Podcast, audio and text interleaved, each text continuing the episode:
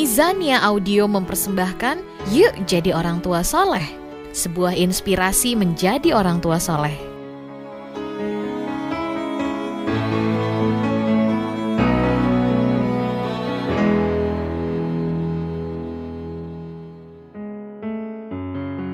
Assalamualaikum warahmatullahi wabarakatuh.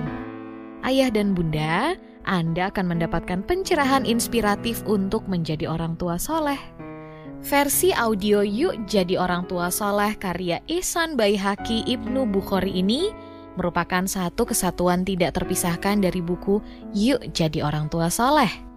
Semoga inspirasi ini dapat membantu serta mempermudah Anda menjadi orang tua soleh.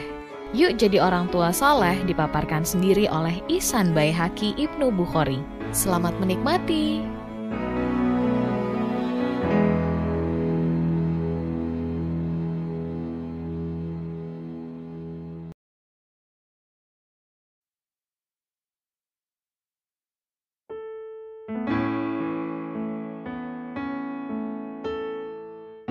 Fitrah.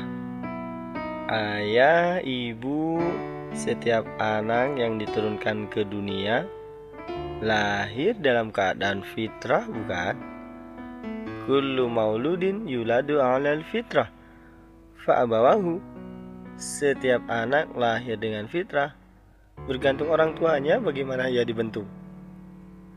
Karena anak lahir dengan fitrah Bukankah berarti tak satu pun anak ketika lahir berniat menghancurkan masa depannya?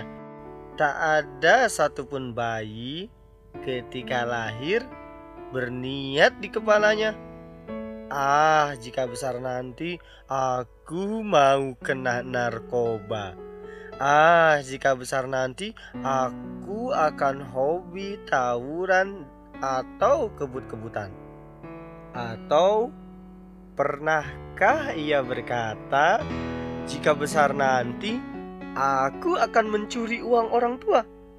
Ah, jika besar nanti aku mau membangkang kepada ayah ibunda. Adakah anak yang berniat begitu, ayah bunda? Bukankah berarti setiap anak yang diturunkan Allah ke dunia justru pada awalnya cenderung pada kebaikan? Tetapi mengapa sebagian anak ini yang lahir cantik, rupawan, lucu dan menggemaskan setelah ia beranjak remaja dan dewasa justru menjadi beban keluarga? Dan menjadi masalah untuk lingkungannya. Ada apa ini? Ayah, ibu, karena anak lahir dengan fitrah, sebagian masalah anak justru orang tualah penyebabnya. Periksalah. Ternyata sebagian anak justru dijatuhkan harga dirinya di rumah, bukan di luar rumah. Sebagian kita mungkin pernah memukul tubuhnya, seolah tubuh anak adalah barang pelampiasan amarah kita. Sebagian kita mungkin pernah menampar pipinya, seolah ia tempat empuk bagi telapak tangan kita. Sebagian kita mungkin pernah membentaknya sambil berteriak dalam hati, "Akulah yang berkuasa atas dirimu." Atau mungkin kita tak pernah melakukan semua itu.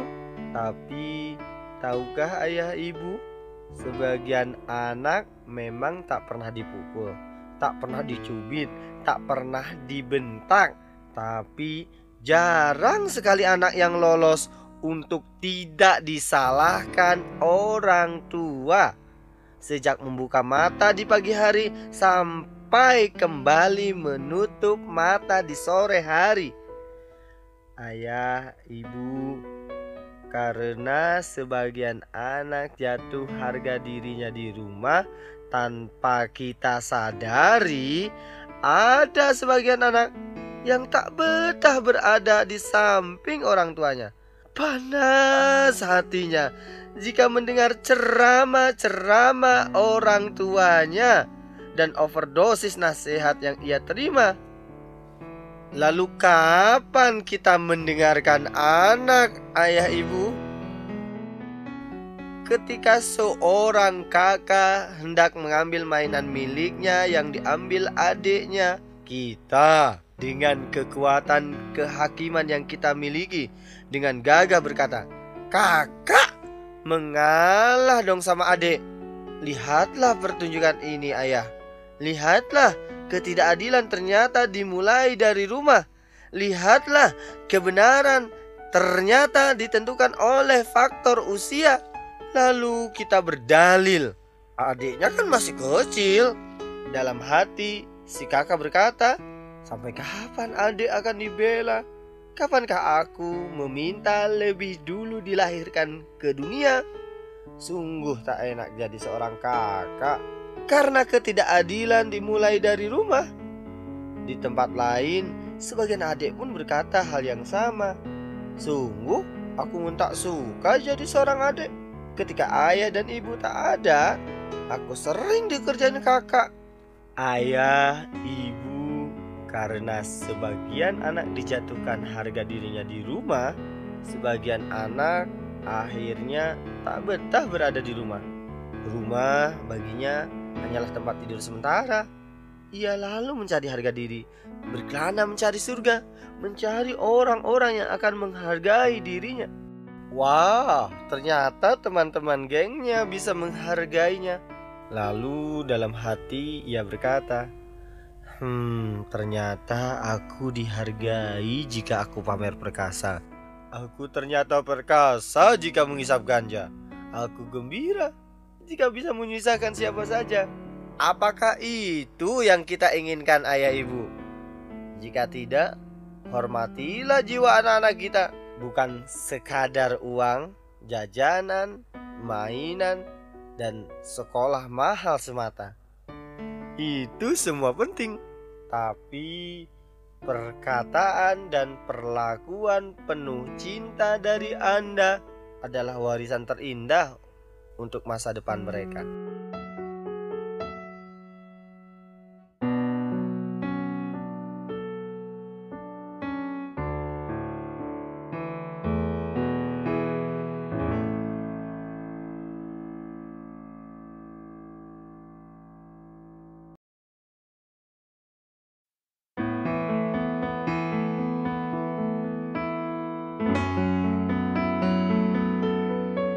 Bersama anak bukan di dekat anak, menganyam kedekatan.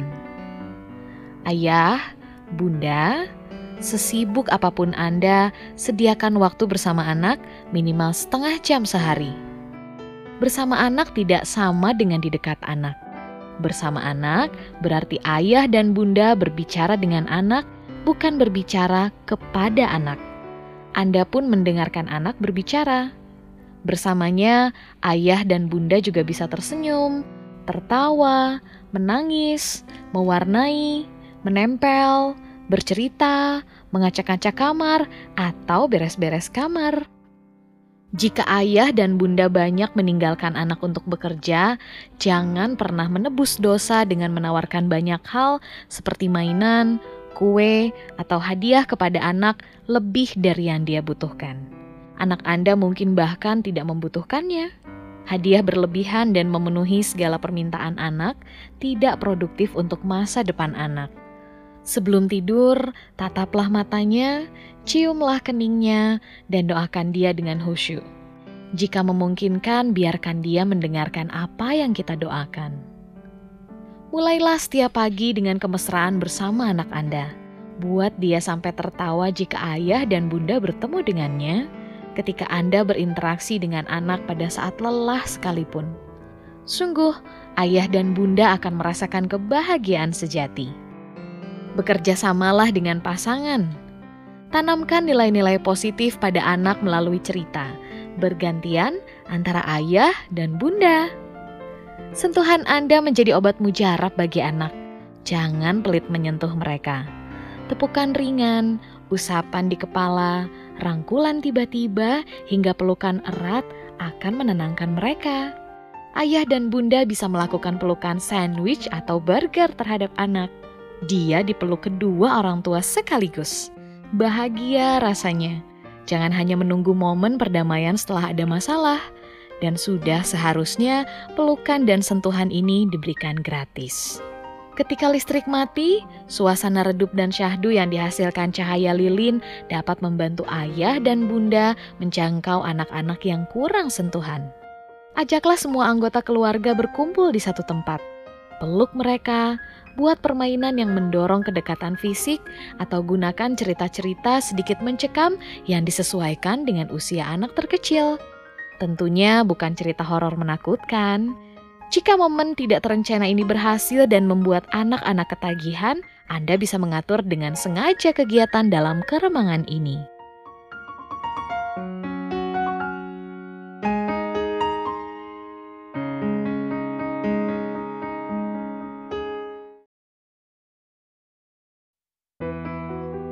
Kita bukan malaikat.